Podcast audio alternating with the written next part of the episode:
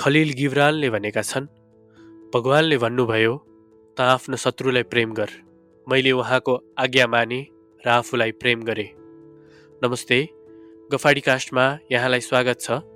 समयको लामो अन्तरालपछि गफाडी कास्टको नयाँ श्रृङ्खला लिएर आएको छु।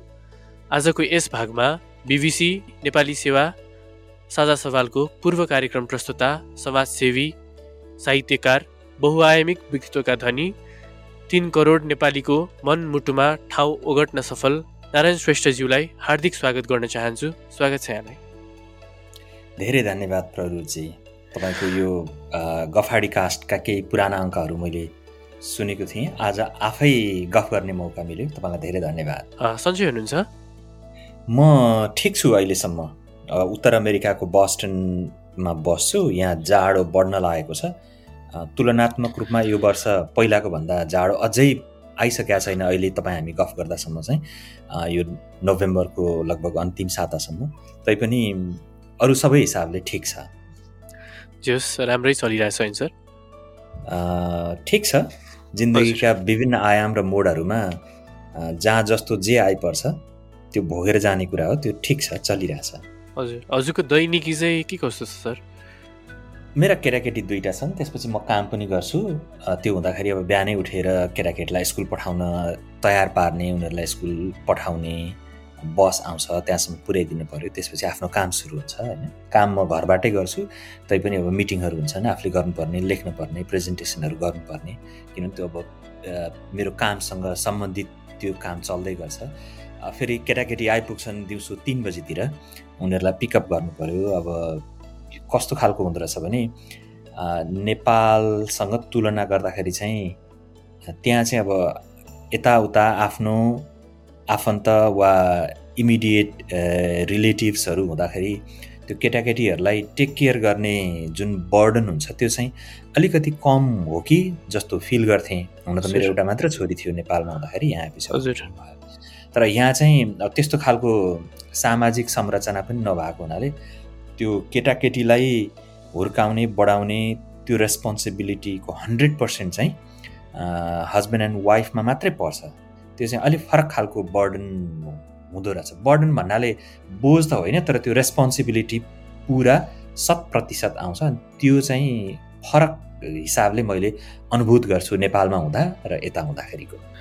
है। जस रमाइलै होला आफ्नो किनभने फ्यामिली भनेको चाहिँ एकदम मोस्ट इम्पोर्टेन्ट हुन्छ नि मान्छेको पार्टमा है। हो यो यो चरणको एउटा गजबको रङ्ग चाहिँ आफ्नो परिवारलाई परिवारको जस्तै परिचय वा त्यो व्यवहार त्यसपछि त्यो एउटा नर्म्स लाई अभ्यास गरेर अनि अगाडि बढ्नु पनि सायद प्रत्येक मान्छेको जिन्दगीको एउटा खण्डमा भोग्न पर्ने अनुभूत गर्नुपर्ने र त्यससँग साँच्चै नजिकबाट देखेर रमाउनु पर्ने क्षण हो जस्तो लाग्छ र मैले अहिले चाहिँ मेरो आफ्नो व्यक्तिगत जिन्दगीमा त्यो क्षणबाट म अगाडि बढिरहेको छु भनेर सोध्छु। अनि रमाइलो लाग्छ किनभने तपाईँ साना केटाकेटी हुन्छन् दुई चार वर्ष पाँच सात वर्ष उनीहरूका अथा जिज्ञासा हुन्छन् होइन?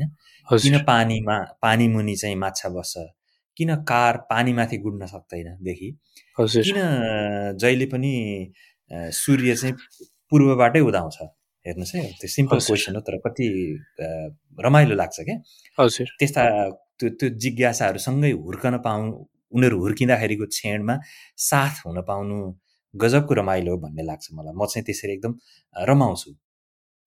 हजुर पक्कै पनि है। अब कुराकानीको सुरुवात गरौँ है।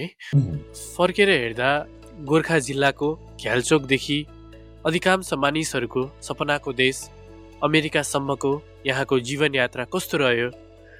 यहाँको सङ्घर्षहरू सुनाउनुहोस् न हामीलाई पनि। म एउटा सामान्य नेपालीको नेपाली सामान्य नेपाली परिवारमा हुर्केको मान्छे। हजुर। एभरेज नेपालीका उकाली ओह्राली जे हुन् नि जिन्दगीका मेरो पनि त्यस्तै नै हो। एउटा कुरा चाहिँ सधैँ के मैले ख्याल गरिरहेका थिएँ पहिलेदेखि भने जिन्दगीलाई एउटा सार्थकपूर्ण बनाउनुपर्छ। मैले केही गर्न सकेँ मौका पाएँ भने त्यो अवसरमा चाहिँ मैले केही गर्नुपर्छ र मसँग चाहिँ म भनेको एउटा व्यक्तिसँग चाहिँ जहिले पनि क्युरियोसिटी जिज्ञासा यो किन भयो कसरी भयो किन हुन्छ त्यो चाहिँ हुनुपर्छ भन्ने मलाई सानैदेखि लाग्थ्यो। सायद म चार कक्षामा पढ्दादेखिको त्यो मेरो सपना हो म भित्र गरेको। हजुर। र मलाई त्यस्तो कुराहरू सधैँ किन यस्तो भयो भन्ने लागिरहन्थ्यो म हेर्थेँ। जस्तो अब नेपालको परिवेशमा हेर्दाखेरि मलाई सधैँ गिरिजाप्रसाद कोइराला लामो समय प्रधानमन्त्री भए। म सात आठ कक्षामा पढ्दादेखि मैले राजनीति गरेर मेरो लाइफको सबभन्दा one of the important television interview लिने व्यक्तिसम्म उनै भयो र मलाई पहिला पहिला लागिरहन्थ्यो कसरी उनले चाहिँ यो काम गर्ने वा नगर्ने यो नीति बनाउने वा नबनाउने भन्ने कुरामा त्यो कुराको डिसिजन कसरी गर्छन् होला? के कुराले त्यसलाई निर्देशित गर्छ त्यस्तो डिसिजन गर्न? वा म एकदम सानो हुँदाखेरि रेडियोमा सुनिरहन्थेँ। महेश आचार्यले उनी अर्थमन्त्री थिए अनि त्यसपछि मैले त केही पनि बुझ्दैन थिएँ। त्यो वार्षिक बजेट तर उनी चाहिँ रेडियोमा दुई घन्टा अढाई घन्टा चाहिँ त्यो वार्षिक बजेट भाषण हुन्थ्यो। त्यो म सुनिरहन्थेँ। बुझ्न केही नबुझे पनि के होला यो? किन भयो? यो कसले चाहिँ यो गर्ने र नगर्ने भन्छ भन्ने चाहिँ लाग्थ्यो मलाई। र केही चिज हेर्दै जाँदा हेर्दै जाँदा त्यो मलाई के लाग्यो भने संसारमा कसरी चाहिँ कुनै चिज हुन्छ वा के कुराले निर्देशित गर्छ? अथवा हामी किन पछाडि पऱ्यौँ नेपाल कन्टेक्समा हेर्दाखेरि हामी चाहिँ हाम्रो देश सानो र सुन्दर छ प्रकृतिको अथाह सम्पदा छ भन्छौँ। तर के कुराले हामीलाई पछाडि पार्यो हामी कुनै देशको गुलाम पनि बनेका होइनौँ होइन?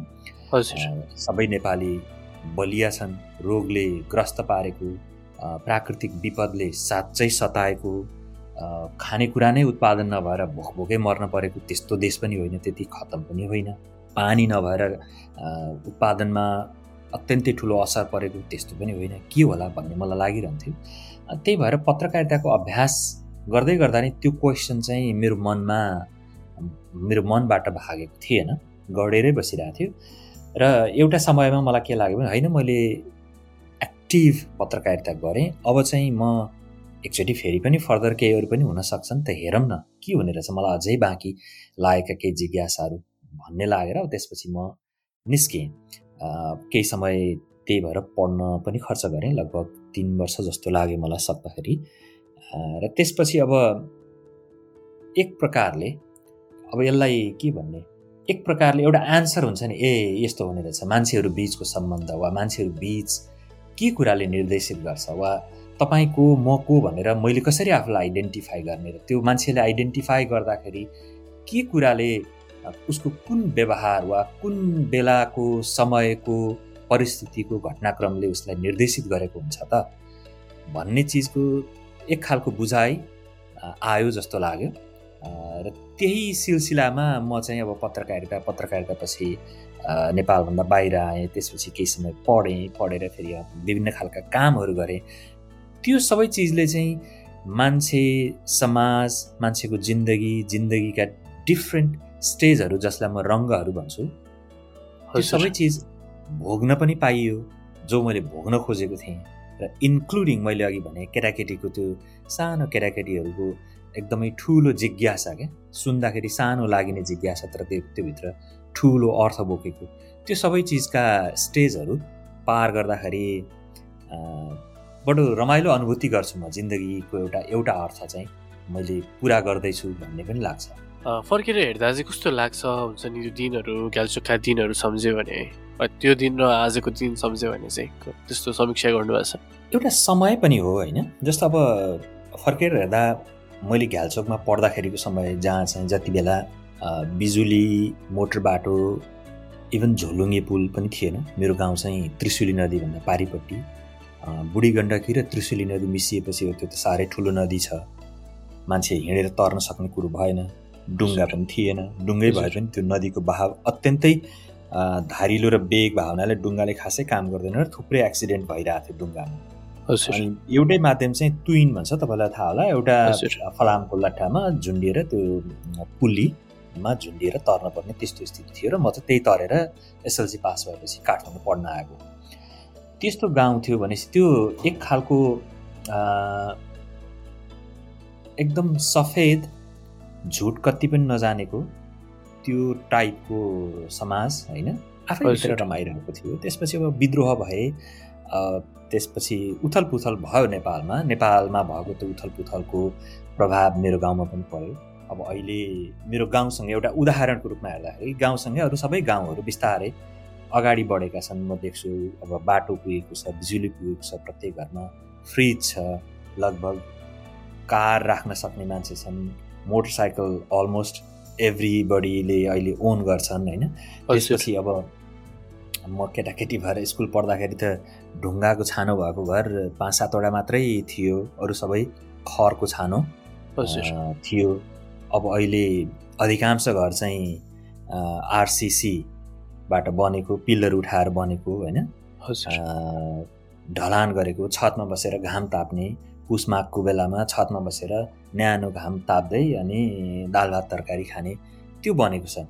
त्यो हिसाबले हेर्दाखेरि मैले बिताएको समयसँगै भनेको मैले बिताएको समय र त्यसपछि अहिलेसम्म आउँदाखेरि ओभरअलमा नेपालले जुन प्रगति गरेको छ त्यो प्रगतिको सानो रिप्रेजेन्टेसन रेप्लिका मेरो गाउँ लगायत सबै गाउँहरूमा परेको छ। त्यो कुरा राम्रो पनि हो।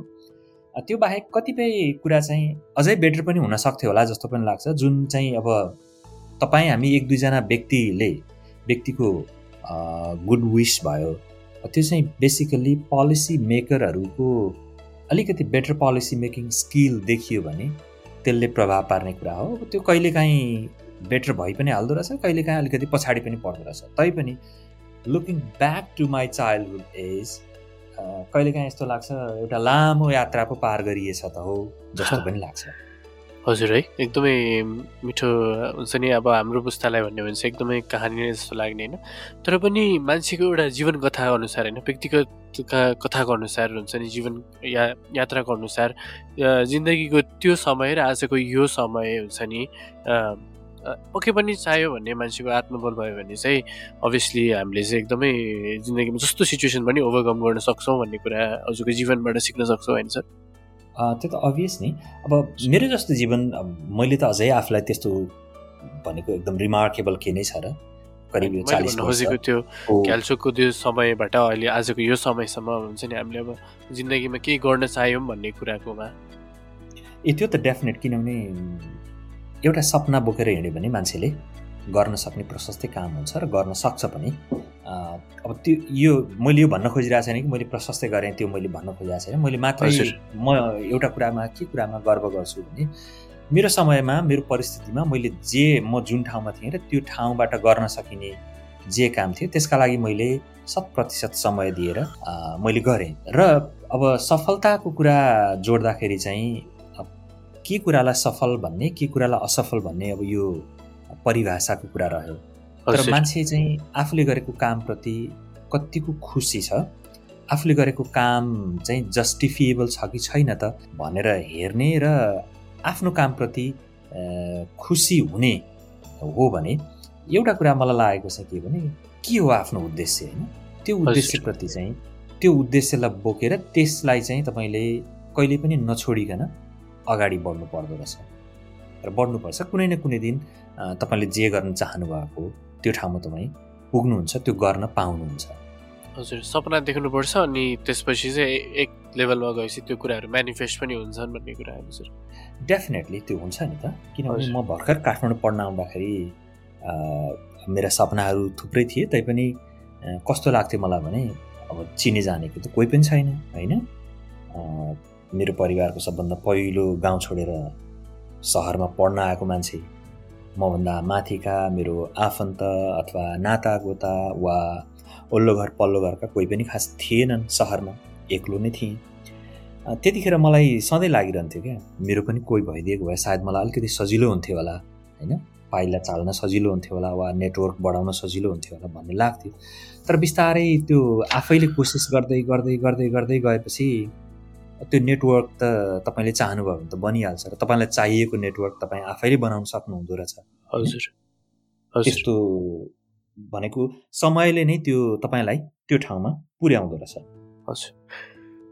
हजुरलाई एकदमै सोध्न मन लागेको प्रश्न भनेको चाहिँ होइन अनि हजुरको घरमा बाँच्ने भालेको के भन्छ स्वर र संसारको अर्को कुनामा बस्ने भालेको स्वर चाहिँ एउटै रहेछ कि छैन रहेछ sir? That was the kind of quest I was trying to figure out है? It sounds very silly and very simple तर त्यही कुरा म भित्र गहिरोसँग बसेको थियो साह्रै सानो उमेरदेखि मेरो गाउँमा बाँच्ने भालेले जुन आवाज निकाल्छ अर्को कुनामा संसारको अर्को कुनामा बाँच्ने भालेले त्यसै गरी बाँच्छ कि बाँच्दैन अथवा एउटा सिम्पल हजुर क्युरियोसिटी वा भन्न खोजेको किन मान्छेहरू फरक फरक हुन्छन् रूप रङ्गमा मात्रै भन्न खोजेको होइन है। त्यसका पनि आफ्नो कारण छन्। हजुर। कि संसारको एउटा पाटोको मान्छे चाहिँ एकदम इजी लाइफ बाँचिराखेको छ। तर अर्को ठाउँको मान्छेलाई त्यो विषयमा त्यो बारेमा पत्तै नहुनु। किन त? के कारणले त्यस्तो हुन्छ होइन? वा त्यस्तो चिजहरूले मलाई एकदम त्यो भित्र किन यो हुन्छ होला भन्ने लागिरहेको हुन्थ्यो र तिनै चिजहरू भनेको त्यो मात्रै नभनौँ त्यो बाहेक अरू पनि किन मान्छेले एउटा काम गर्छ अथवा अर्को काम गर्दैन? लगायतका। किन एउटा देशको पोलिटिकल सिस्टम एक थरीको हुन्छ अनि त्यही सिमाना अब आखिर यो सिमाना कोरेको त सय दुई सय वर्षभन्दा पुरानो त होइन। तर फेरि अर्कोपट्टि चाहिँ अर्कै व्यवस्था शासन व्यवस्थामा मान्छे फेरि रमाएरै बसेका छन्। के होला? यी लगायतका क्युरियोसिटीहरू थिए म मसँग।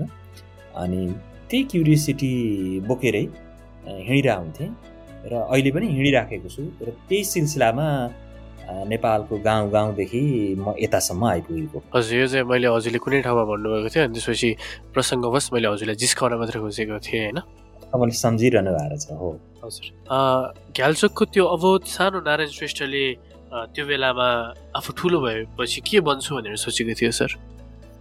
त्यस्तो ठुलो रिसोर्सेसहरू त्यसपछि सूचनाको अभाव भएपछि तपाईँसँग सपनाको पनि दायरा सानै हुन्छ मलाई त्यतिखेर चाहिँ के लाग्थ्यो भने मलाई चाहिँ कविता लेख्ने मान्छे म बन्छु जस्तो लाग्थ्यो भन्न खोजेको साहित्यसँग मेरो विशेष रुचि थियो त्यति बेलादेखि नै र म साहित्य लेख्ने अथवा त्यो साधना गर्ने त्यो चिजमा नै म हुन्छु होला भन्ने चाहिँ मलाई लाग्थ्यो त्यतिखेर। तर कस्तो भयो भने तपाईँ अब एसएलसी राम्रोसँग पास भएपछि चाहिँ गाउँ अब मेरो आफ्नो बाआमादेखि गाउँका वल्लो पल्लो घरदेखि मलाई पढाउने गुरुहरू सबैको के हुन्थ्यो भने हे यस्तो राम्रो पर्सेन्टेज ल्याएपछि पनि कहीँ यो अरू विषय पढ्छ त त गएर साइन्स पढ्नुपर्छ भन्ने हुन्थ्यो।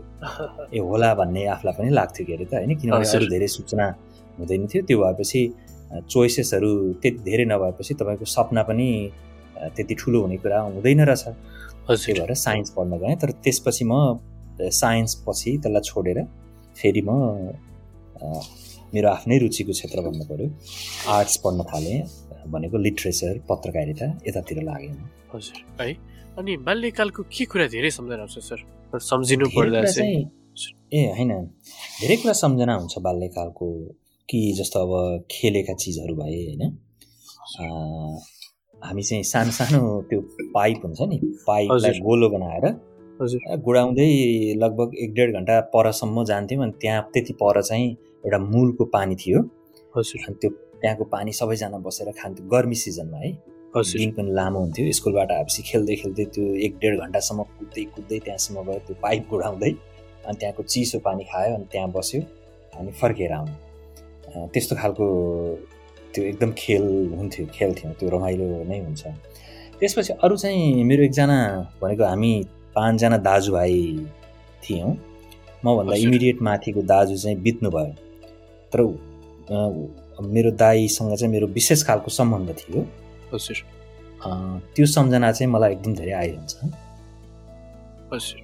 अब होइन बाल्यकाल चाहिँ सबैको लागि अब हुन्छ नि धेरै मान्छेलाई चाहिँ अब एकदम अब फर्केर जानु पाए नि हुन्थ्यो जस्तो लाग्ने हुन्छ नि त्यो क्षण त्यो एउटा फेज अफ लाइफ त्यही भएर चाहिँ प्रश्न सोधेको जीवन चाहिँ सङ्घर्ष गरिरहँदा ठिक रहेछ कि सङ्घर्ष गरेपछि सुख आउँछ नि त्यो ठिक रहेछ सर?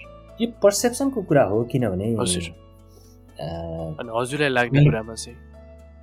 मलाई लाग्ने चाहिँ निरन्तर सङ्घर्ष नै हो। सङ्घर्ष इन द सेन्स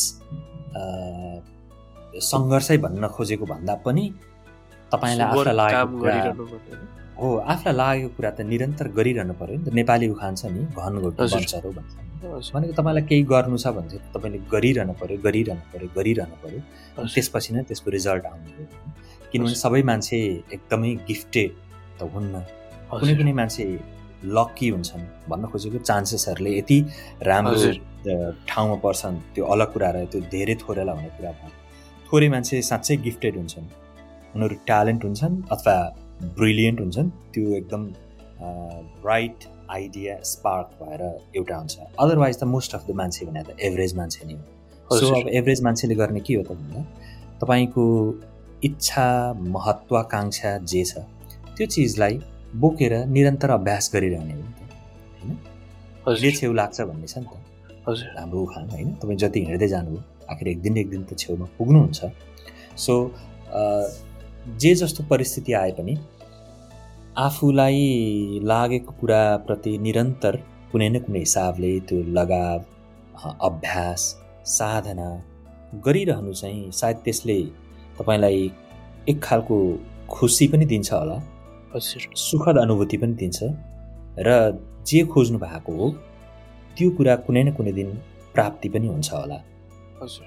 जस अब लाइफ भने चाहिँ अब के भन्छ कन्टिन्युस स्ट्रगल हुन्छ नि स्ट्रगल इन द सेन्स अब हामीले चाहिँ अब काम गर्दै गरिरहँदा अब त्यसमै हल्का पेनकै प्लेजर लिँदै गर्दा अगाडि लाँदा चाहिँ हजुरलाई हजुरको पर्सपेक्टिभमा त्यो ठिक लाग्यो हुन्छ? हो म त त्यसरी नै हेर्छु किनभने दुःख भन्ने कुरा त सुख भन्ने कुरा के हो अथवा दुःख भन्ने कुरा के हो भन्ने कहिलेकाहीँ म यसो सोध्छु क्या। हजुर। तपाईँले खलिल जिब्रानको भनाइबाट यो कार्यक्रम सुरुवात गर्नुभयो। खलिल जिब्रानको एउटा लाइन म सम्झिन्छु होइन। हजुर। एक्सेसिभ पेन इज म्युट पनि भन्छ उसले भन्न चाहिँ। भन्न खोजे अत्यन्तै धेरै पीडा भयो भने मान्छे म्युट हुन्छ अथवा बोल्न र म चाहिँ कहिलेकाहीँ यसो हेर्छु के हो त त्यो अत्यधिक पीडा भनेको? केला भन्ने त्यो पीडा होइन? जस्तो मान्छे चाहिँ अरू लिभिङ बिइङ भन्दा अलिकति फरक के हो भने हामी इमेजिनेसन गर्न सक्छौँ। विगतमा के भयो त्यो हाम्रो सम्झनामा बस्छ? र भविष्यमा के हुन सक्ला भनेर एक खालको आकलन पनि गर्न सक्ने त्यो इमेजिनेसन इमेजिनेटिभ ब्रेन चाहिँ ह्युमन ब्रेन भयो। अरू एनिमलहरूको चाहिँ मोस्टली हिजो के भए पनि त्यति सम्झना हुन्न होला सायद होइन? र भोलि के गर्ने भन्ने पनि अरू एनिमलले त्यति सम्झन्न। सो ह्युमन बिइङको डिफ्रेन्स त्यति हो। त्यति डिफ्रेन्ट हुँदाखेरि किन यत्रो फरक त? अरू अरू लिभिङ क्रिएचरसँग भन्दा त्यो सपनालाई बोकेर हामी यति परसम्म गइरहेको हुन्छौँ यति गरिरहेको हुन्छौँ। त्यो सबै चिजले कतिपय ठाउँमा राम्रो पनि गरिरहेको होला कतिपय ठाउँमा मान्छेलाई अप्ठ्यारो पनि पारिरहेको तर कमिङ ब्याक टु के हो त पीडा वा सफरिङ भनेर हेर्दाखेरि चाहिँ मलाई के लाग्छ भने तपाईँले त्यो चिजलाई कसरी इन्टरप्रेट गर्नुहुन्छ?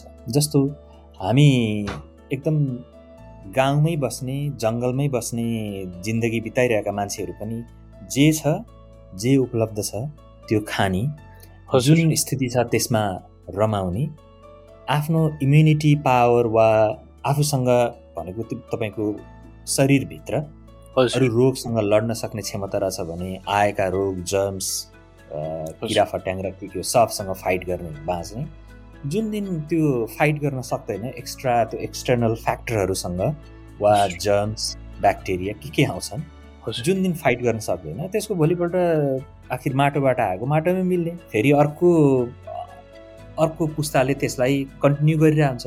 आखिर त्यो त्यो लाइफ बिताउने मान्छे पनि त उसलाई अरू इन्फर्मेसन अरू नलेज सायद कम होला। तर ह्याप्पी त ह्याप्पी नै छ नि एकदमै। भनेपछि त्यही भएर यो ह्याप्पिनेस पनि एक खालको इन्टरप्रिटेसन नै रहेछ जस्तो लाग्छ मलाई। जस्ट बिट्विन होइन ह्याप्पिनेस पनि अब आउँछ जान्छ स्याडनेस पनि होइन? अब के कुरालाई ह्याप्पिनेस भन्ने? अब मलाई ह्याप्पिनेस लाग्ने कुरा हजुरलाई नर्मल लाग्ला होइन? हजुरलाई नर्मल लाग्ने कुरा मलाई ह्याप्पिनेस लाग्ला। त्यही भएर चाहिँ हामी इन बिट्विनमै रहेर हुन्छ नि। होइन सर? डेफिनेटली किनभने जस्तो कुनै कुनै मान्छेलाई एकदम धेरै पीडा भयो अथवा प्रेसर भयो कामको वा कुनै डिसिजन गर्ने वा कुनै परिस्थितिको भने कति मान्छे चाहिँ चुरोट खान थाल्छ होइन? हजुर। कति मान्छे रक्सी पिउलान्। कति मान्छे एकदम फन्नी कार्टुन वा त्यस्तै खालको रमाइलो चिज हेरेर एकछिन मन बहलाउलान् कति मान्छेलाई चाहिँ एकदम गम्भीर खालको चिज हेरेर अनि आफूलाई शान्त पार्ला भने त्यो त व्यक्तिगत इन्टरप्रिटेसन वा व्यक्तिले के रुचाउँछ के कुरामा आफूलाई रमाउन देख्छ रमाएको देख्छ त्यही नै गर्ने हो नि त। त्यही भएर completely depends upon personal view जस्तो लाग्छ मलाई। आफ्नो ब्रह्मले जति भयो जीवन त्यसरी नै जिउने होइन सर। त्योभन्दा फरक त्योभन्दा टाढा गर्न खोज्यो भने त दुःख त्यहीँनिर भयो नि त। हजुर। अब अर्को आयाममा आउन चाहे है। मान्छेहरूले विदेश जाने भनेको चाहिँ जेरोबाट स्टार्ट गर्ने हो भन्छन्। यहाँलाई फेरि स्टार्ट गर्न कतिको गाह्रो भयो? यहाँका तिता मिठा अनुभवहरू सुनाऊ अ, यो कुरा चाहिँ विदेश मात्र होइन स्वदेश नेपालमै लागु हुन्छ। हजुर। म घ्यालचोकबाट काठमाडौँ आएँ। घ्यालचोकमा मैले सत्र अठार वर्ष बिताएँ त्यो। जिन्दगी। एउटा चरण। त्यसपछि काठमाडौँ आएपछि मेरो पहिलो रियलाइजेसन के भयो भने जब म कोठा लिएर बसेँ मलाई के लाग्यो के रियलाइज भयो भने मेरो घ्यालचोकमा हुँदाखेरि मलाई जे जति चिज चाहिन्थ्यो नि हजुर। सानो चक्कुदेखि एउटा वा दुईवटा भयो नि प्लेटदेखि चामल पकाउने भाँडो तरकारी पकाउने भाँडो पानी पानी राख्ने भाँडो पानी खानुपर्ने ग्लास त्यो सबै चिजको जो हो त मैले जिरोबाटै फेरि गर्नु पर्दो रहेछ नि त एउटा सानो कोठै लिए पनि है। हजुर। बुझ्नु है यहाँनिर रियलाइजेसन हो त्यस्तै हो तपाईँ अब। त्यसपछि अब सहरमा तपाईँले दुई चार वर्ष आठ दस वर्ष बस्दा तपाईँको आफ्नो एउटा पेरिफेरी बनाउनुहुन्छ। त्यसलाई छोडेर फेरि विदेशमा गएपछि त त्यहाँ तपाईँले फेरि पनि त्यही एउटा फ्ल्याट लेभल जमिन जे हो त्यही जमिनबाटै सुरु गर्नु पऱ्यो नि। तपाईँलाई एभ्रिथिङ चाहियो। भनेको लाइफ चलाउन आवश्यक पर्ने त्यो सामानदेखि अरू स्किल पनि हुन्छ नि त। सामान्य त्यो सोसियल स्किलहरू हुने भए कम्युनिटीसँग कम्युनिकेसन गर्नुपर्ने स्किल हुने भए त्यसपछि त्यो सिजनल बिहेभियरको अरू स्किल होला देखि लाइफलाई रन गर्न आवश्यक पर्ने रिसोर्सेसहरू सबै चिज मलाई लाग्छ एभ्रिबडी होइन? त्यो कसैले पनि एकैचोटि एउटा फरक लेभलबाट स्टार्ट गर गर्छु भन्यो भने त्यो प्र्याक्टिकल्ली हुँदैन जस्तो लाग्छ। भएर सबैले सुरुवात गर्ने त तपाईँ नयाँ ठाउँमा जानुभयो भने वहीँबाटै सुरु गर्नु भन्न खोजेको जिरोबाटै सुरु। हजुर।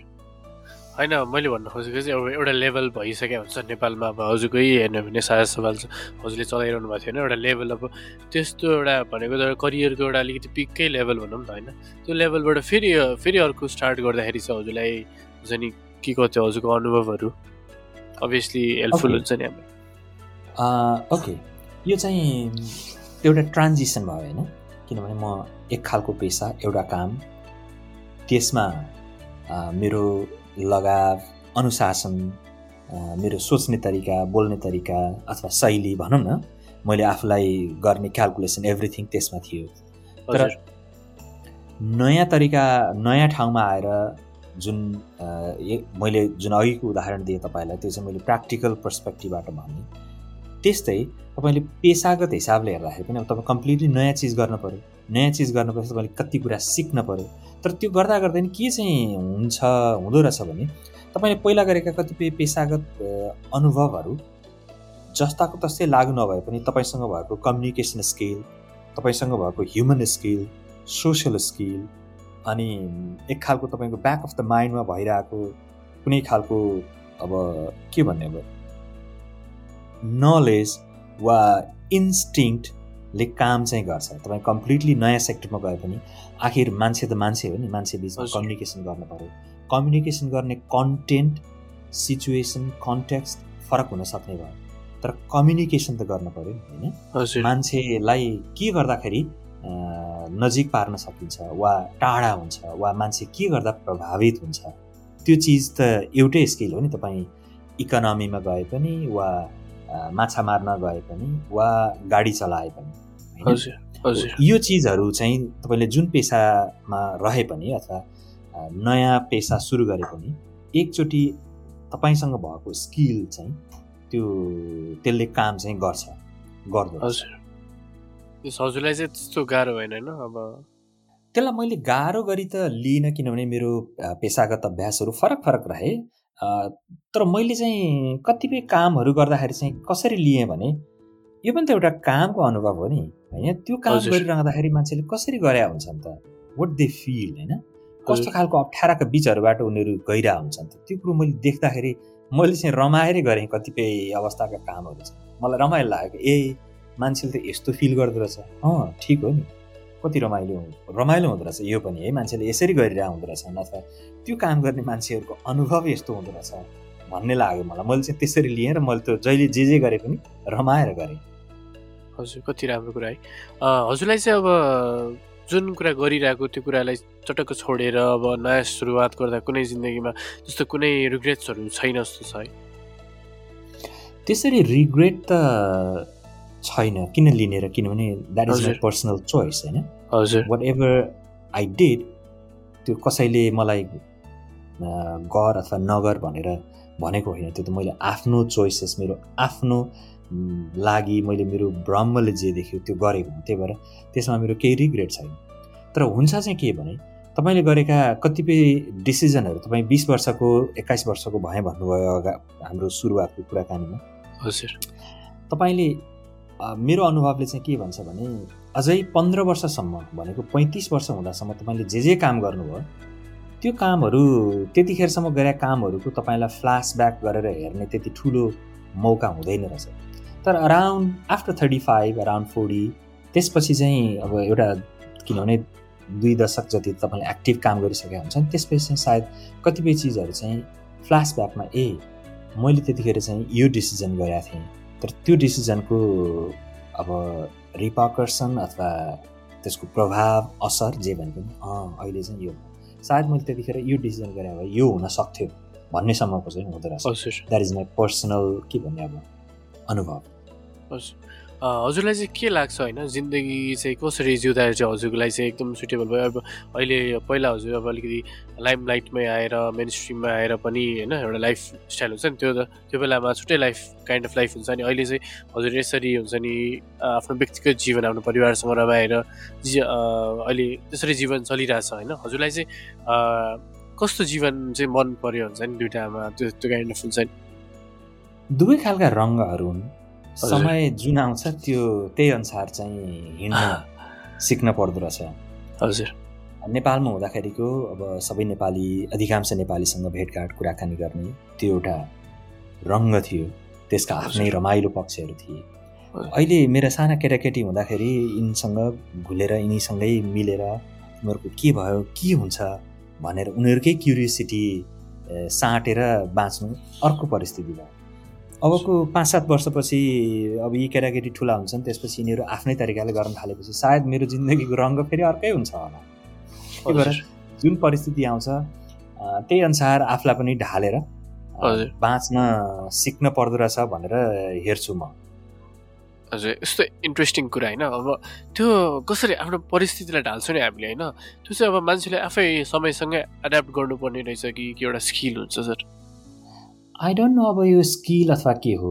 हजुर। तर एउटा कुरा चाहिँ मलाई लाग्ने चाहिँ तपाईँ जिन्दगी जिउँदै हुनुहुन्छ जे परिस्थिति आउँछ त्यो परिस्थितिलाई नजिकबाट हेरेर र त्यसमै आफू घुलमिल भएर बाँच्न सिक्दाखेरि त्यसको मजा चाहिँ बेग्लै हुँदो रहेछ। किनभने तपाईँ कविता लेख्नुभयो भने कवितालाई साँच्चै गहिरोसँग नबुझिकन लेखेको कविता कविता भयो के कवि भएर त्यो? किनभने कविता लेख्ने कविले कवितालाई बुझ्न सक्नु पऱ्यो नि। साहित्यकारले साहित्य के हो नबुझिकन यत्तिकै लेखेको लेख त तपाईँ दुई प्याराग्राफ पढ्ने बित्तिकै थाहा हुन्छ। ए यो अलिक सतही रहेछ। यो हात्ती होइन छामेको मात्र रहेछ भन्ने चाहिँ थाहा हुन्छ। मलाई त्यस्तो लाग्छ। भन्न खोजेको जुन ठाउँ र परिस्थितिको जिन्दगी तपाईँ जिउँदै हुनुहुन्छ त्यसलाई गहिरोसँग जिउनुहोस् न। अनि पो बल्ल त्यसको भोगाई त्यसको स्वाद थाहा हुन्छ। त्यसपछि फेरि भोलि त अर्को स्वाद लिनु छँदैछ होइन? परिस्थितिलाई बुझेर हुन्छ नि एक्सेप्ट गरेर अनि लाइफमा त्यसरी जिउँदा चाहिँ लाइफ गोजन होइन sir? That's what I have been realizing this days किनभने तपाईँ जस्तै यङ हुँदाखेरि चाहिँ मलाई एक खालको हट पनि थियो त्यतिखेर चाहिँ। एम्बिसन मेरो हट के थियो भने जिन्दगीलाई प्लान गर्नुपर्छ। हजुर। त्यो प्लान अनुसार चाहिँ मैले मेरो आफ्नो ड्रिम पनि अचिभ गर्छु र जिन्दगी पनि चल्छ भन्ने लाग्थ्यो। हजुर। तर कतिपय बेला कतिपय ठाउँमा तपाईँले गरेका तपाईँले चालेका स्टेपहरूले चाहिँ तपाईँको त्यो हर्टलाई काहीँ सफल हुन्छ काहीँ ठेस पनि लाग्दो रहेछ। अनि त्यसपछि मैले सिकेँ कि ए मेरो प्लानले मात्रै जिन्दगी चल्दैन रहेछ। मैले आम नट सेयिङ कि there is someone else something else that we can not plan our life we can not plan the way we want to be somebody else will do मान्छे भन्छ नि त द इज गड अनि हामीले जे छ त्यही के अरे गडले जे चाहेको छ त्यही पुरा हुन्छ भन्छ। म चाहिँ त्यो पनि म मान्दिनँ किनभने मलाई गड छ भन्ने कुरामा त्यति ठुलो विश्वास खासै विश्वास छैन। हजुर। तर तपाईँ आफूले गरेका सबै प्लान अनुसार मात्रै लाइफ चल्छ भन्ने पनि कुरा गर्दै जाँदा समय र परिस्थितिले मान्छेलाई कहाँ पुर्याउँछ भन्ने कुरा हाम्रो कन्क्लुजन भयो यो कुरामा। मलाई त लाग्छ मैले भने नि म मेरो जुन। हर्टले म जिन्दगी प्लान गर्छु भन्ने थियो हजुर। त्यो चिज म रियलाइज गर्दैछु अहिले कि सधैँ लागु हुँदैन रहेछ। हजुर। समय र परिस्थितिले मान्छेलाई कहाँ पुऱ्याउँछ भने चाहिँ मैले एउटा यो यही उसको होइन पडकास्टको थिम पनि राखेको थिएँ नि हजुर कति रिलेट हुन्छ भनेर। कहाँ पुर्याउँदो रहेछ भन्ने कुरा चाहिँ तपाईँ जहाँ पुगे पनि हजुर। तपाईँ जहाँ पुगेको हो त्यहीँ पुग्न चाहेर पुगेको हो भनेर हेर्नुभयो भने मलाई कहाँ पुर्यायो भन्ने भन्दा नि अँ म चाहिँ अहिले यहाँ आइपुगेँ है। म। त्यहाँ थिएँ म यहाँ आएँ सायद भोलि म यताबाट यता जाने होला भनेर तपाईँलाई आफ्नो बाटो थाहा हुन्छ हुँदो रहेछ होइन? त्यसको पर्सपेक्टिभ चाहिँ मलाई कहाँ पुर्यायो समयले अथवा कसैलाई समयले कहाँ पुर्यायो भनेर हेर्ने भन्दा नि म हिजो त्यो दो बाटोमा थिएँ त्यसपछि म चाहिँ दायाँ होइन बायाँ लागेँ वा तल होइन माथि जान थालेँ। त्यसपछि म यहाँ आइपुगेँ। अँ यहाँ त बडो पहाड पो रहेछ। हावा पनि चलिरहेको रहेछ रमाइलो रहेछ। अब भोलि हिँड्दै जाँदा अलिकति तल यसो कुवामा पानी होला। त्यो कुवाको पानी खाएर फेरि अगाडि बढौँला। त्यो चाहिँ तपाईँको प्लान भयो। तर हिँड्दै जाँदा कुवा भएको ठाउँ होइन एकदम भिरको बाटो पनि हुन सक्ने भयो। वा जङ्गलको बाटो पनि हुन सक्ने भयो। सो तपाईँ जहाँ पनि पुग्न सक्नु हुँदो रहेछ त्यो कुरालाई चाहिँ त्यो चाहिँ ओपननेस अथवा ओपन माइन्डेडनेस हुनु पर्यो। हजुर। मैले अर्कै कुरा सोध्नलाई तर यो कुरा सोध्छु होइन। हजुरको यो लेभल अफ थिङ्किङ चाहिँ कसरी डेभलप भयो होइन? अनि मान्छे यत्तिको अप्टिमिस्ट चाहिँ कसरी हुनसक्छ होइन? हजुरको कुरा सुन्दा चाहिँ एकदमै हुन्छ नि एकदम मजा आउने क्या एकदम अप्टिमिस्टिक टाइपको कि सधैँ त्यस्तो फिल हुन्छ आज पनि त्यस्तै फिल भयो। होइन। यो रियलाइजेसन हो। मैले तपाईँलाई भने करिब तिस पैँतिस वर्षसम्मको उमेरमा मेरो रियलाइजेसन चाहिँ यो खालको रियलाइजेसन होइन कि मैले गर्नपर्छ गर्न सक्छु मसँग गर्न सकिने केही सपनाहरू छन् भन्ने लाग्थ्यो। सपनाहरू छन् सपनाहरू मान्छेले बोक्छन् हुनुपर्छ। तर कतिपय सपना पुरा नहुँदा पनि रहेछन् कतिपय सपना फरक बाटोबाट हिँड्न पर्दो रहेछ होइन?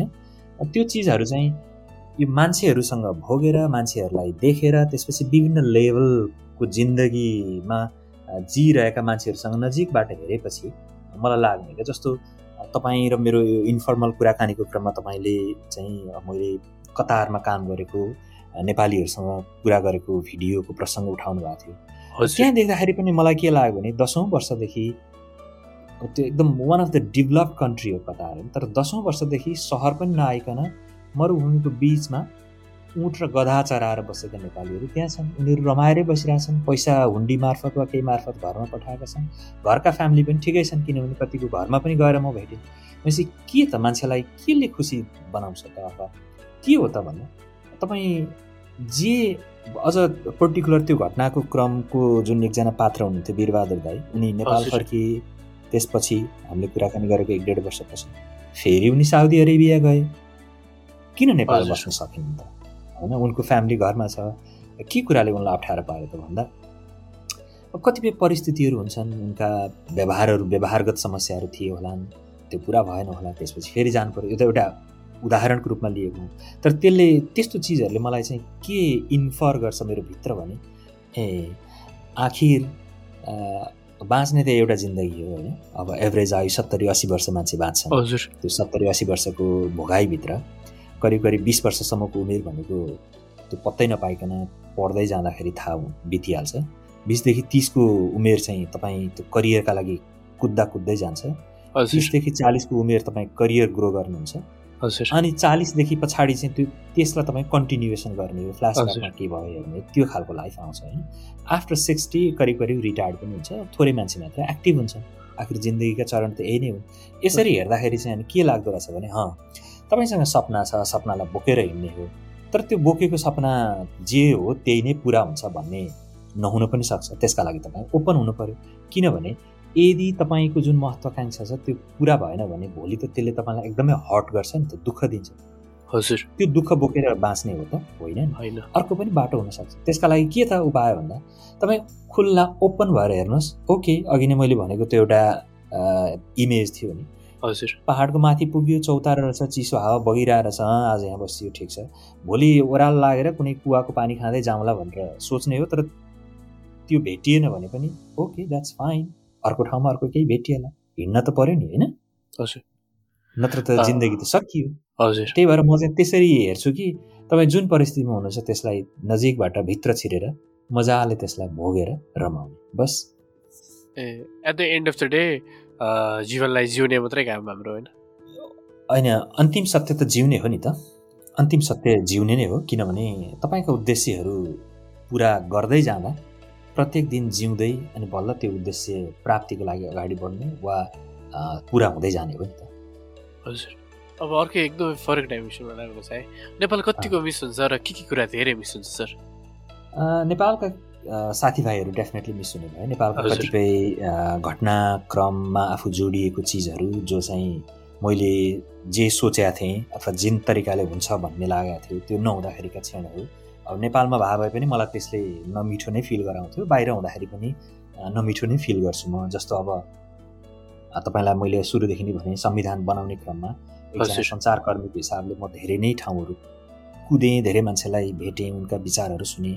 पहिलो संविधान सभा फेल भयो। म साह्रै दुखी भएँ त्यतिखेर एउटा नागरिकको हिसाबले। त्यसपछि अरू सबै हिसाबले मलाई धेरै नै चोट लागेको थियो। त्यस्तै अब अहिले पनि कतिपय पोलिटिकल डिसिजनहरू हुन्छन् जुन चाहिँ सानो सुझबुझ पनि नपुगेको जस्तो लाग्छ। सानो उदाहरण दिउँ सायद पाँच सातजना प्रधानमन्त्री भइसक्यो होला नेपालले एमसिसी अनुमोदन गर्नलाई त्यो प्रक्रिया अगाडि बढेपछि।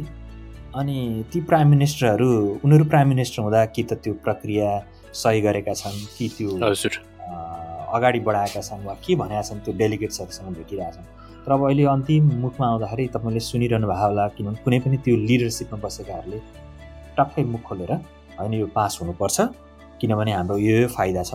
अथवा होइन यो हामी पास गराउनै सक्दैनौँ किनभने यसले हामीलाई यो यो हानि गर्छ भनेर भन्दैन। हजुर। होइन? त्यो त लिडरसिपमा बसेपछि कतिपय कुरा कतिपय बेलाको कुरा त प्रष्ट बोल्न सक्नु पऱ्यो नि त्यस्तो खालको व्यवहार नभएको देख्दाखेरि चाहिँ मलाई अलिक दुःख पनि लाग्छ। अब त्यो बाहेक तपाईँ अदालतको अहिलेको कुरा हेर्नुहोस्। यस्ता साना अब साना कुरा त नभनौँ यो किन ठुलो अर्थ राख्ने कुराहरू हुन्। अनि त्यसपछि अब अदालतको प्रमुख नै अनि आफूले गरेका फैसलाहरूको चाहिँ बचाउ प्रष्टीकरण दिन अनि घन्टौँ लामो टेलिभिजन च्यानलमा अन्तर्वार्ता दिन्छन् यस्तो कुरा चाहिँ मलाई अलि बिच छ।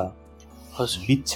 त्यस त्यो बाहेक अरू चाहिँ अब मलाई जस्तो कतिपय खाना खानाको स्वाद त्यसपछि गएर सांस्कृतिक गतिविधिहरू घटनाक्रमहरू जोमा आफू सामेल भइन्थ्यो जसको। महत्त्व अहिले चाहिँ झन् बढी फिल हुन्छ कि। किनभने के हुँदो रहेछ भने तपाईँ नेपाल बाहिर बसे पनि आखिर तपाईँको फर्मेटिभ इयर नेपालमा बितेको मान्छेको त दिन रात वा जुनसुकै परिस्थिति तपाईँले हेर्ने प्रत्येक घटनाक्रमहरूको पृष्ठभूमि चाहिँ त्यही देशमा तपाईँले जुन समय बिताएर आउनुभयो त्यसकै कन्टेक्स्टमा त्यो चिजलाई तपाईँ हेर्नुहुन्छ। भनेपछि मैले जे कुरा हेरेँ पनि अथवा मैले जे कुरा बोले पनि त्यसको पछाडिको कन्टेक्स्ट चाहिँ मैले योभन्दा अगाडि गरेका कामहरू योभन्दा अगाडि बिताएका समयहरू त्यसले मलाई दिएको छापबाट नै त्यो सबै कुरा मिस हुन्छ। जहाँ भयो भने नेपालको माया लागिहाल्छ होइन सर त्यो त हुनै छैन नि किनभने हजुर। तपाईँ जुन ठाउँमा हुर्किनु भयो अब जस्तो अब म अहिले अमेरिकामा छु अमेरिकामा संसारभरिका मान्छेहरू हुन्छन् होइन? अब कस्तो हुन्छ भने दुई वर्ष तिन वर्ष पाँच वर्ष कुनै एउटा देशमा अब जस्तो इक्जाम्पलको लागि अब हन्डुरस होला नाइजेरिया होला होइन? अथवा। साउथ अफ्रिका होला। त्यहाँ इन्डोनेसिया होला। त्यहाँ बिताएर आएको मान्छे इभन इन्डिया चाइना होइन त्यहाँ बिताएर आएको मान्छे अब यहाँ त वर्षौँ ऊ चाहिँ चालिसौँ वर्ष पैँतालिस पचासौँ वर्ष यहाँ बसिसक्यो। तर स्टिल उसको आफ्नो आइडेन्टिटी के हो त भन्दा म इन्डियन अमेरिकन हुँ अथवा म चाहिँ नाइजेरियन अमेरिकन हुँ वा म चाहिँ इन्डोनेसियन अमेरिकन हुँ भन्ने हुन्छ। उसका कतिपय कल्चरल वा कतिपय कन्भर्सेसन त्यसको thought process comes back from his society त्यो भावनाले त्यो कुरा त हटेर जाँदैन नि। हजुर। त्यही भएर यो चाहिँ के रहेछ भने एक्सटेन्सन अफ आइडेन्टिटी हो क्या यो? हजुर हजुर। एउटा क्वेसन चाहिँ ठ्याक्कै माइन्डमा आएन कहिले घर सम्झेर रुनु भएको छ? यो चाहिँ एकदमै नितान्त निजी प्रश्न हो, यसको उत्तर नदिन पनि सक्नुहुन्छ। होइन म त्यस्तो सम्झेर केही सम्झेर नि त्यो रुनै पर्ने त मलाई लाग्दैन। कतिपय कुराहरू अब नमिठोसँग मनभित्र गर्छ जस्तो अब अब मेरो बाआमा टाढा हुनुहुन्छ होइन कुराकानी त गर्छौँ हामी प्रत्येक हप्ता। भर्चुअल कुराकानी हो बाबाआमासँग देखभेट हुन पाए हुन्थ्यो नि जस्तो लाग्छ। दाजुभाइहरू होइन त्यसपछि आफन्तहरू साथीहरू त्यो चिज हुन्छ। त रुनै पर्ने भन्ने कुरा चाहिँ मैले कसरी हेर्छु भने म यहाँ छु म यहाँ अहिलेसम्म बसिरहेको त it's my decision it's my choice साँच्चै यहाँ बस्नु नसक्ने भए त आई क्यान गो ब्याक हजुर हजुर त्यही भएर त्यस्तो गरी चाहिँ मैले हेर्दिनँ। किनभने नि अब यो यस्तो खालको ग्लोबल भिलेज भइसकेको छ। यदि मसँग सबै कुरा पुग्छ मैले गर्न सक्ने हो भने त I can spend half of my life in one part of the world अनि rest of my life in another part of world त्यो पोसिबल छ। अथवा. तपाईँ एक महिना एक ठाउँमा रहनुहुन्छ अर्को महिना अर्को ठाउँमा रहनुहुन्छ द्याट इज अल्सो पोसिबल मैले अघि नै भने म घरबाटै काम गर्छु यसको अर्थ संसारको जुनसुकै कुनामा रहे नि हजुर। मलाई लागेको काम त गर्न सक्ने त्यो पोसिबिलिटी छ भनेपछि म घ्यालचोकमै बसेर अनि म यहाँको काम मजाले गर्न पनि सक्छु। हजुर हजुर। कस्तो सुनेको हजुरको कुरा सुन्दा सध- आनन्द आउँछ होइन? छुट्टै भाइब्स हजुर अब एकदमै फरक। अब हजुरभित्रको हजुरको कविताहरूमध्ये हजुरलाई नै मनपर्ने एउटा कविता वाचन गर्न सक्नुहुन्छ? हजुरले प्लिज। के कविताहरू छन् होइन? हजुर। मलाई अब यो कविता चाहिँ सुरु सुरुमा मलाई लाग्थ्यो म चाहिँ कवितै लेख्छु। हजुर। कविता लेखेरै जिन्दगी बिताउँछु भन्ने लाग्थ्यो। तर कविता त अहिले पनि लेख्न मन लागे रोक्ने त केही छैन तर त्यो बेलाको जुन कविताको बहाव छाल थियो हजुर। छाल सायद अहिले कम होला तैपनि के के कविताहरू मलाई मनपर्ने सबै कविता परिवेशमा लेखेका हुन् होइन? तर। तपाईँलाई एउटा सुनाउन मन लागेको कविता चाहिँ यो जुन निभेको सहर है? अब यो म भर्खर साइन्स पढ्दै गर्दाखेरि लेखेको कविता थियो। त्यही भएर त्यो सिङ्गो कवितामा चाहिँ कतिपय साइन्स खास गरी फिजिक्ससँग रिलेटेड शब्दावलीहरू पनि छन् होइन? म अलिकति पढेर सुनाऊँ हजुर। यो जुन निभेको सहर उचालिएर भुइँबाट तल झरेको पानीको फोका पट्ट पट्ट फुट्छ आकारहरू बस्तीमा। यहाँ हुन सक्दैन उखरमाउलो घामको बस्ती। कोही उठ्ने छैन पानी जस्तै सोलोमनको मुटु लिएर। कतै छैनौ तिमी शून्य आकारमा पनि। आहा। सनिलको घाम जस्तै थाकिसके म। अब सबैले ग्रिटिङ कार्ड जस्तै सम्झना मात्रै किन्नेछन् यो रातका लागि। त्यो हावाको आकार जति पनि पहिले जस्तो केही छैन काँचो मासुको गन्ध बाहेक कङ्काल उभिएको यो सहरमा आगोको लपकासँग मायाको कुनै फ्लेभर छैन। तिमी छैनौ र मेरो हुनुको पनि अब कुनै अस्तित्व छैन। क्वान्टमको प्रिन्सिपलसँग परिणत गर्छु आफूलाई इलेक्ट्रोनहरूमा। इलेक्ट्रोनहरू बिजुली बोकेर भाग्दैनन् तारमा। निस्फिक्री लम्बिरहने तारमा झुन्डिएको उज्यालो टुक्र्याएर उज्यालोलाई टुक्रा टुक्रामा जति प्रयास गरे पनि जति पश्चाताप गरे पनि टेलिफोनको तार जस्तो मुटु छैन मसँग जसलाई रिसिभरमा जोड्न सक्थेँ र ई कार्डमा पठाएको जस्तै प्रेम प्रस्ताव हेरेर बिना प्राप्ति एक दिन काट्न सक्थे।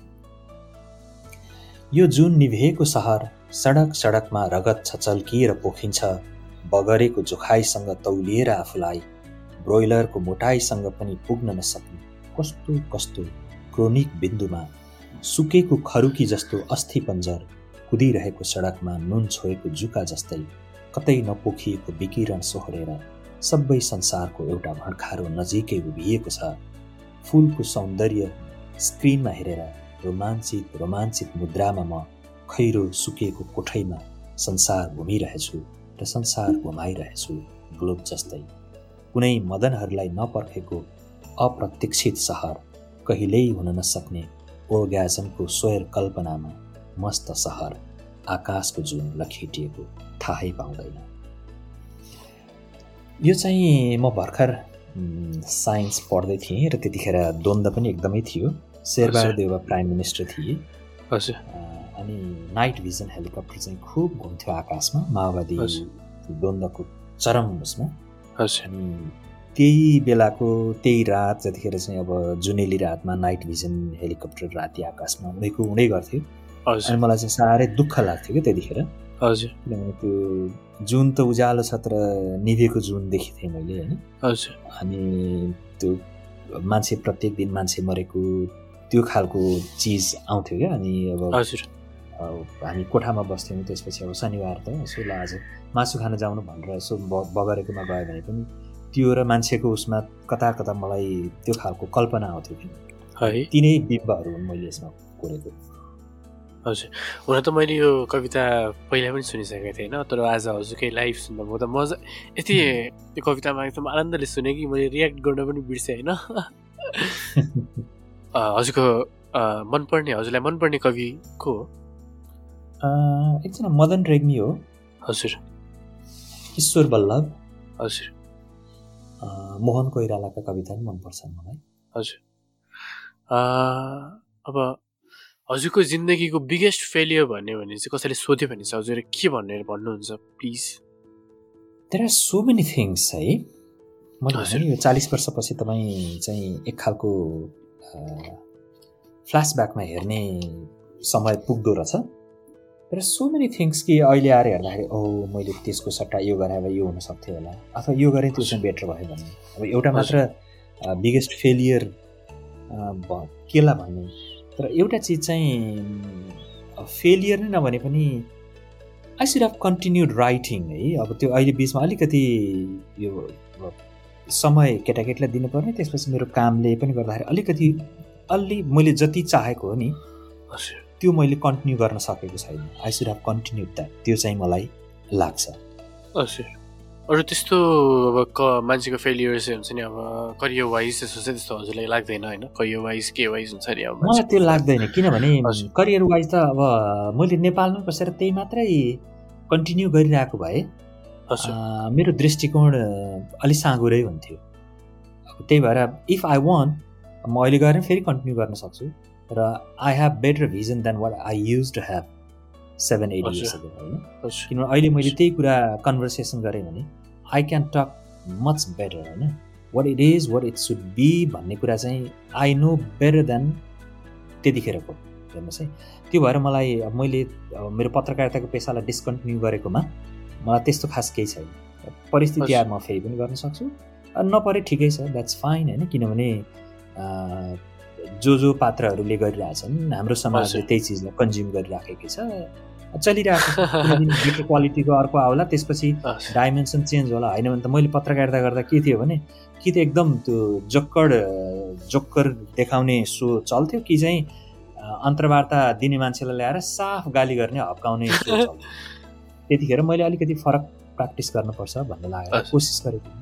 अनि मैले पत्रकारितालाई नै स्पेसिफिक त भन्न खोजेको होइन तर मान्छेको जीवनमा चाहिँ यो चाहिँ मेरो बिगेस्ट फेलियर हुन्छ नि अब के भन्ने कसरी भन्ने अब त्यसलाई होइन एउटा मान्छेको अब फिल हुन्छ नि यो कुरा चाहिँ अब कति कुराहरू अब अब ठुलो बिजनेसम्यानको बिजनेसै डुब्ला होइन फेलियर त्यस्तो टाइपको होइन। अब त्यस्तो फेलियरको गर्न खोजेको अब एटलिस्ट त्यो स्पेसिफिक भन्न खोजेको होइन। मेरो होइन मेरो अब मसँग ठुलो बिजनेस केही थिएन होइन। हजुर। त्यसपछि मेरा लगानीहरू पनि प्रशस्त केही थिएनन्। हजुर। म एउटा सामान्य जिन्दगी बिताउँदै आएको एउटा नागरिक। कर तिर्दै आएको। मेरो देशको प्रधानमन्त्री जसले करै तिर्दैन उसलाई कर तिर्ने प्यान नम्बर के हो भन्ने थाहा नभएको देशको नागरिक हो हेर्नुहोस् होइन मैले पैसा सोध्दा यो प्यान नम्बर भनेर भन्थे प्रधानमन्त्रीहरू होइन? हजुर। त्यस्तो देशको नागरिक हो म सधैँ कर तिर्थेँ। सायद अब अहिले म गएँ भने फेरि अब तेरो कहाँ के छ भन्ने पनि होला होइन। आफ्नै ठाउँमा रह्यो मैले तिरेको करको रेकर्ड दिएन भने पनि रेकर्ड नपाउने होला त्यो आफ्नै ठाउँमा छ। त्यो समस्या। सबैले भोग्नुपर्छ म जस्तो। तर त्यो- त्यति सामान्य जिन्दगी बिताएर आएको हुँ। त्यही भएर मेरा ठुला केही थिएनन्। गुमाउनु पर्ने पनि केही थिएन त्यो पाउनु पर्ने पनि ठुलो केही थिएन है। भनेको अब म त्यति धेरै पेसिमिस्टिक बन्न खोजेको होइन। तर एक खालको त्यो आफूभित्र मलाई गर्न मन छ भन्ने कुरा बोकेर हिँडेको तर अरू त्यो बाहेक अरू चिजलाई अब ठिकै छ जे छ यो चिजलाई चाहिँ एक्सेप्ट गर्नुपर्छ भनेर पनि हिँडेको भावनाले मलाई कुनै पनि चिजले त्यति ठुलो हर्ट पनि गरेको छैन। अब मैले यो गुमाएँ वा यो चाहिँ मैले पाएँ भनेर बेछट्ट खुसी पनि भएको छैन। हजुर है? अब पक्कै पनि कुराहरू सम्झ्यो भने त। हजुरले भन्नुभएको कुरा होइन अब ठिक छ अब चाँडै राम्रो होस् नेपाल होइन। अब राम्रो त डेफिनेटली हुन्छ राम्रो डेफिनेटली हुन्छ तर त्यो राम्रो हुनलाई चाहिँ कस्तो भने हेड विन कि टेल विन भन्ने हो होइन? सधैँ। हेड विन मात्रै देख्छु क्या म। टेल विन भयो हुने भन्न खोजेको चाहिँ त्यो परिस्थिति आउँदाखेरि चाहिँ टक्क प्ले गर्ने त्यसपछि त्यो परिस्थितिलाई क्याप्चर गरेर ख्यास गरेर अनि अगाडि बढ्ने कुरा चाहिँ कहिलेकाहीँ अलिक फेलियर देख्छु म होइन? त्यस्तो नभइदिए हुन्थ्यो भन्ने लाग्छ। त्यो मेरो गुड विस हो। हजुर। अघि नै हजुरले पाउनु र गुमाउनेको कुरा गर्नुभयो होइन? पाउनु र गुमाउनुसँग के कतिको मतलब छ जिन्दगीको उस्तै उस्तै चिज हुन् मैले हेर्दाखेरि चाहिँ। हजुर। तपाईँले केही कुरा पाउनुभयो भने अर्को कोही मान्छेले त्यो चिज सायद गुमाएको पनि हुनसक्छ। त्यसरी पनि हेर्न मिल्यो। हजुर। त्यसरी हेर्दाखेरि तपाईँले त्यो चिज पाएर तपाईँ खुसी हुनुभयो तर त्यही कुरो अर्कोले गुमाएर ऊ चाहिँ सायद दुःखी पो भइरहेछ कि? भनेर पनि हेर्न मिल्यो। अर्को अर्थमा चाहिँ तपाईँले एकदमै ठुलो इरादा राख्नु भएको थियो महत्त्वाकाङ्क्षा राख्नु भएको थियो। होइन म यो काम गरेरै सक्छु अथवा म यो कुरा चाहिँ पुरा गर्छु भनेर राख्नु भएको थियो र त्यो कुरा पुरा गर्नुभयो भने सायद अर्कोले चाहिँ गुमाउनु पर्दैन होला। र तपाईँले त्यो कुरा पुरा गरेकोमा चाहिँ तपाईँ खुसी हुन सक्नुभयो। त्यसैले यो उस्तै उस्तै हुन पाउने र गुमाउने कुरा। हजुर पक्कै पनि होइन। अब चाहिँ म एउटा क्वेसन होइन अब हजुरलाई के सोध्न चाहन्छु भने आफ्नो व्यक्तिगत पारिवारिक र देशको अवस्थाको कारण विवश भएर विदेशी नै नेपालीलाई यहाँको के सन्देश रहनेछ? मेरो शुभेच्छा सद्भाव सबै नेपालीप्रति त सदैव रहने नै भयो। हजुर त्यस्तो परिस्थितिबाट विदेशमा जान परेको दाजुभाइलाई दिदीबहिनीलाई सम्झिँदा म चाहिँ ब्याक होम नेपालमा जसले पोलिसी बनाउनुहुन्छ त्यो पोलिसीलाई इम्प्लिमेन्ट गर्नुहुन्छ उहाँहरूलाई भन्न चाहन्छु कि राम्रो पोलिसी बनाउनुहोस् राम्रो पोलिसी इम्प्लिमेन्ट गर्नुहोस् ताकि दुःख गर्नकै लागि बाहिर जान नपरोस् होइन? एक छाक खान अथवा दुई छाक खान एउटा घर बनाउन आफ्नो केटाकेटीलाई पढाउन पुग्ने त्यो अर्थतन्त्र चाहिँ देशभित्रै नेपालभित्रै हुन सक्ने अवस्था सिर्जना गर्नुहोस्। त्यसको लागि चाहिँ नेपालमै पोलिसी बनाउने र पोलिसी इम्प्लिमेन्ट गर्नेहरूको ध्यान जाओस् भन्न चाहन्छु र बाहिर बसेका अथवा बाहिर जान परेको जो बाध्यताले उहाँहरूलाई पनि के भन्छु भने एउटा बाध्यताले बाहिर त हुनुहुन्छ तर फ्यामिलीसँग लामो समय टाढा भएर बस्दाखेरिको पीडा उहाँहरूले जतिको अरू कसले भोगेको छ र होइन त्यो अनुभव अरू कसैलाई भएको छैन। तैपनि सकेसम्म मिल्दाखेरि हुँदाखेरि र पुग्दाखेरि कतिलाई पुग्ने भन्ने किनभने यो पैसाको कुरा चाहिँ बडो गाह्रो कुरा कति भए पुग्छ र। तैपनि जिन्दगी एउटा सर्टन स्टेजमा पुगेर खाना लाउन अलिअलि मात्रै चल्ने भएको छ भनेदेखि चाहिँ परिवारसँग टाढा बस्ने कुरा चाहिँ साह्रै गाह्रो कुरा हो। त्यसैले परिवारसँगै त्यो समय त्यो क्षण बिताउन यदि तपाईँले अब पाउनु भएको छैन अथवा त्यो अझै पनि मौका छ भने त्यो मौकालाई पनि थोरै भए पनि अथवा जति पुग्छ जति भ्याइएको छ त्यो चाहिँ सदुपयोग गर्नुहोस् भन्न चाहन्छु म। हजुर। अब कुरालाई फरक आयाम दिन चाहन्छु। यो चाहिँ अलि ऱ्यापिड फायर टाइपको छ। यदि टाइम ट्राभल गरेर पछाडि जान सक्नुहुन्थ्यो भने अठार वर्षीय नारायण श्रेष्ठलाई के सुझाव के सुझाव दिनुहुन्थ्यो? त्यतिखेर को जुन तपस्या थियो कवितामै हिँड्न कवितामै बोल्न सक्ने त्यो कुरा लेख्न लेखेर राखेको भए हुन्थ्यो भन्ने सुझाव दिन्छु। है? जीवनमा के के कुरामा धेरै कृतज्ञ हुनुहुन्छ? मेरो बाआमा जसले मलाई हे आज गोठाला जानुपर्छ।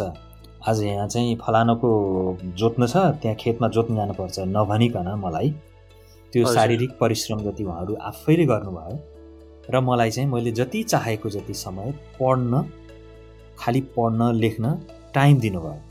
मट्टीतेल किनेर ल्याइदिनु भयो कापी कलम किनेर जुटाइदिनु भयो त्यो कुराप्रति त्यो पढ्न दिएको समय त्यसले नै म निरन्तर पढिरहन पाएँ र त्यो कुराले म आज जहाँ छु म त्यो बन्न पाएँ। त्यही भएर मेरो बा आमाले त्यो मलाई जे गरिदिनु भयो त्यो प्रति म साह्रै ठुलो कृतज्ञ छु।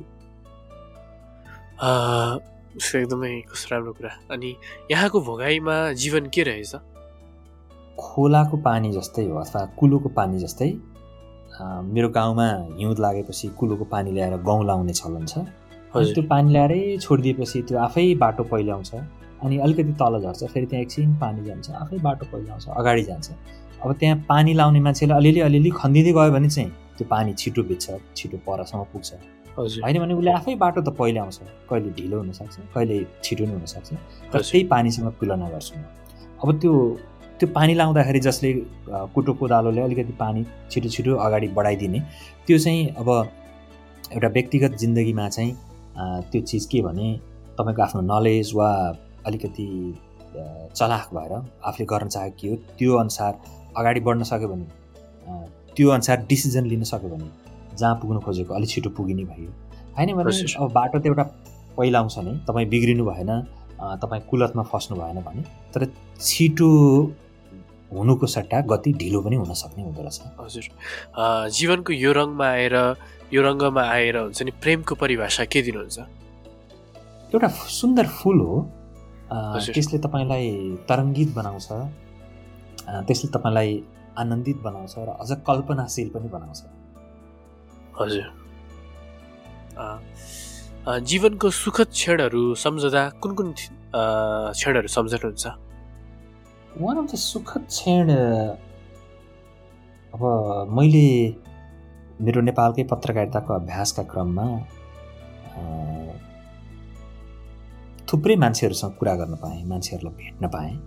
त्यो सुखद क्षणको रूपमा सम्झिन्छु म।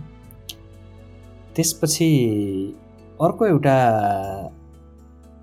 क्षण भन्नाले क्षण मात्रै होइन तर सुखद अनुभूति के भने मैले जे म भित्र कुखुराको भाले बाँच्ने प्रसङ्ग परिवेशदेखि जुन खालको एउटा गहिरो क्वेसन थियो नि आई फलो कि के हो त भन्ने र एक ठाउँसम्म म पुगेँ र मैले त्यसलाई के भन्ने अब ज्ञान प्राप्त गरेँ भन्न खोजेको होइन तर मेरो लेभलमा मलाई जे क्वेस्ट थियो त्यसको आन्सर मैले पाएँ।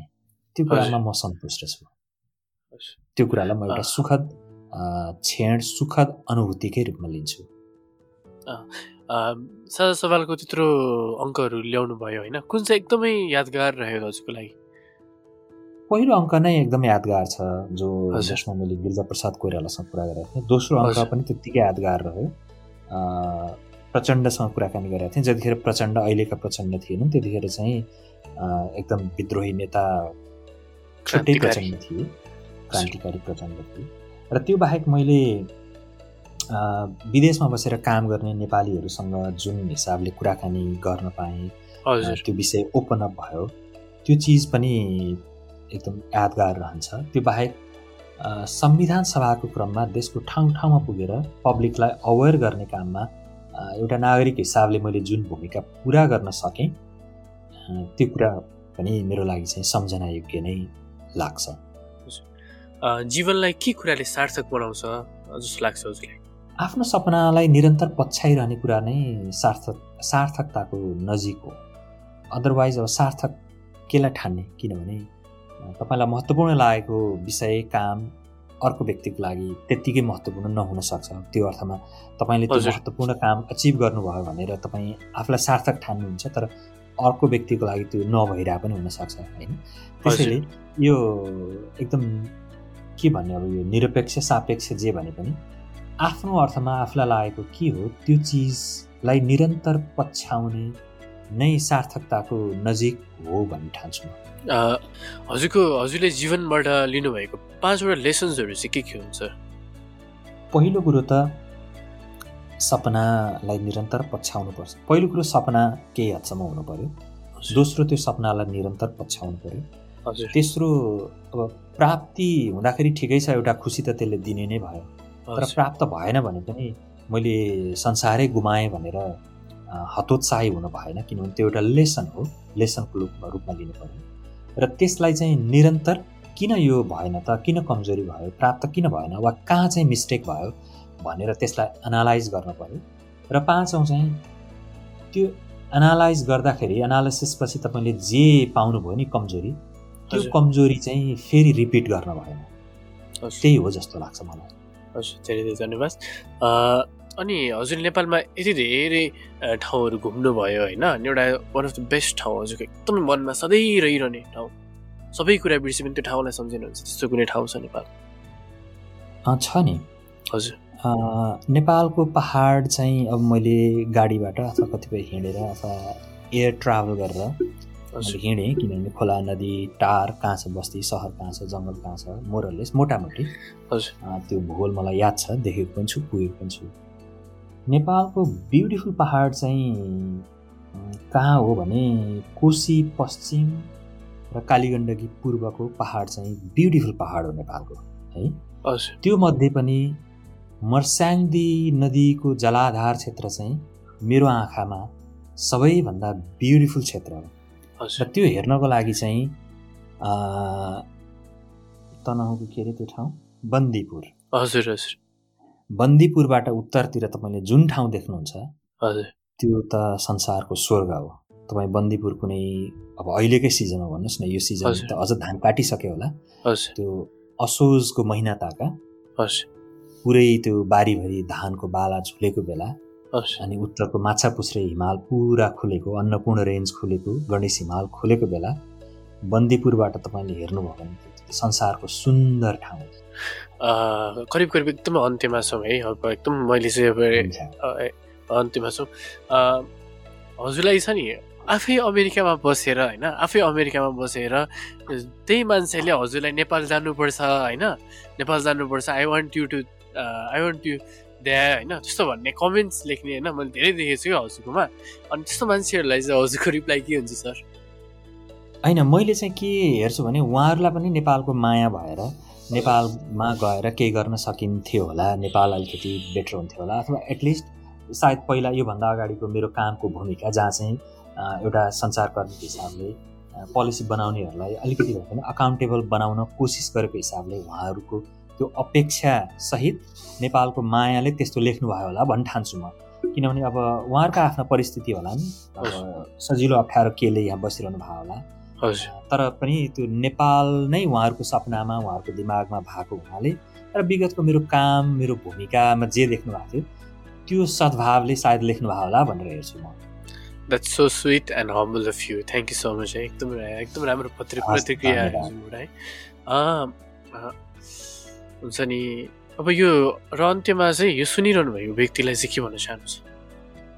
Have a dream and follow the dream त्यही भन्छु। होइन हुन्छ नि अब नेपाल कहिले आउने चाँडै फर्किनुहोस् त्यस्तो चाहिँ म भन्दिनँ होइन? हजुरको जीवन नितान्त हजुरको यात्रा हो। र त्यसको लागि एउटा वेल विसरको नाताले हजुरलाई एकदमै शुभकामना दिन चाहन्छु। धेरै कुराहरू समेट्न बाँकी छ हुन्छ नि एकदम मन चाहिँ फिटिक्कै भरिएको छैन होइन? तर यहाँको बहुमूल्य समयको लागि एकदमै हार्दिक हार्दिक कृतज्ञता ज्ञापन गर्न चाहन्छु। समय र संवादका लागि धेरै धेरै धेरै नै धन्यवाद सर। तपाईँलाई पनि यो यो मौकाको लागि धेरै धन्यवाद। हामीले कतिपय अरू कन्भर्सेसनहरू चाहिँ अरू खालको हुन्थ्यो तर यसमा चाहिँ पुरै व्यक्तिगत आफ्नो व्यक्तिगत जिन्दगीलाई फ्ल्यासब्याकमा राखेर हेर्ने एउटा मौका जुऱ्यो अँ, यो अवसरको लागि धेरै धन्यवाद तपाईँलाई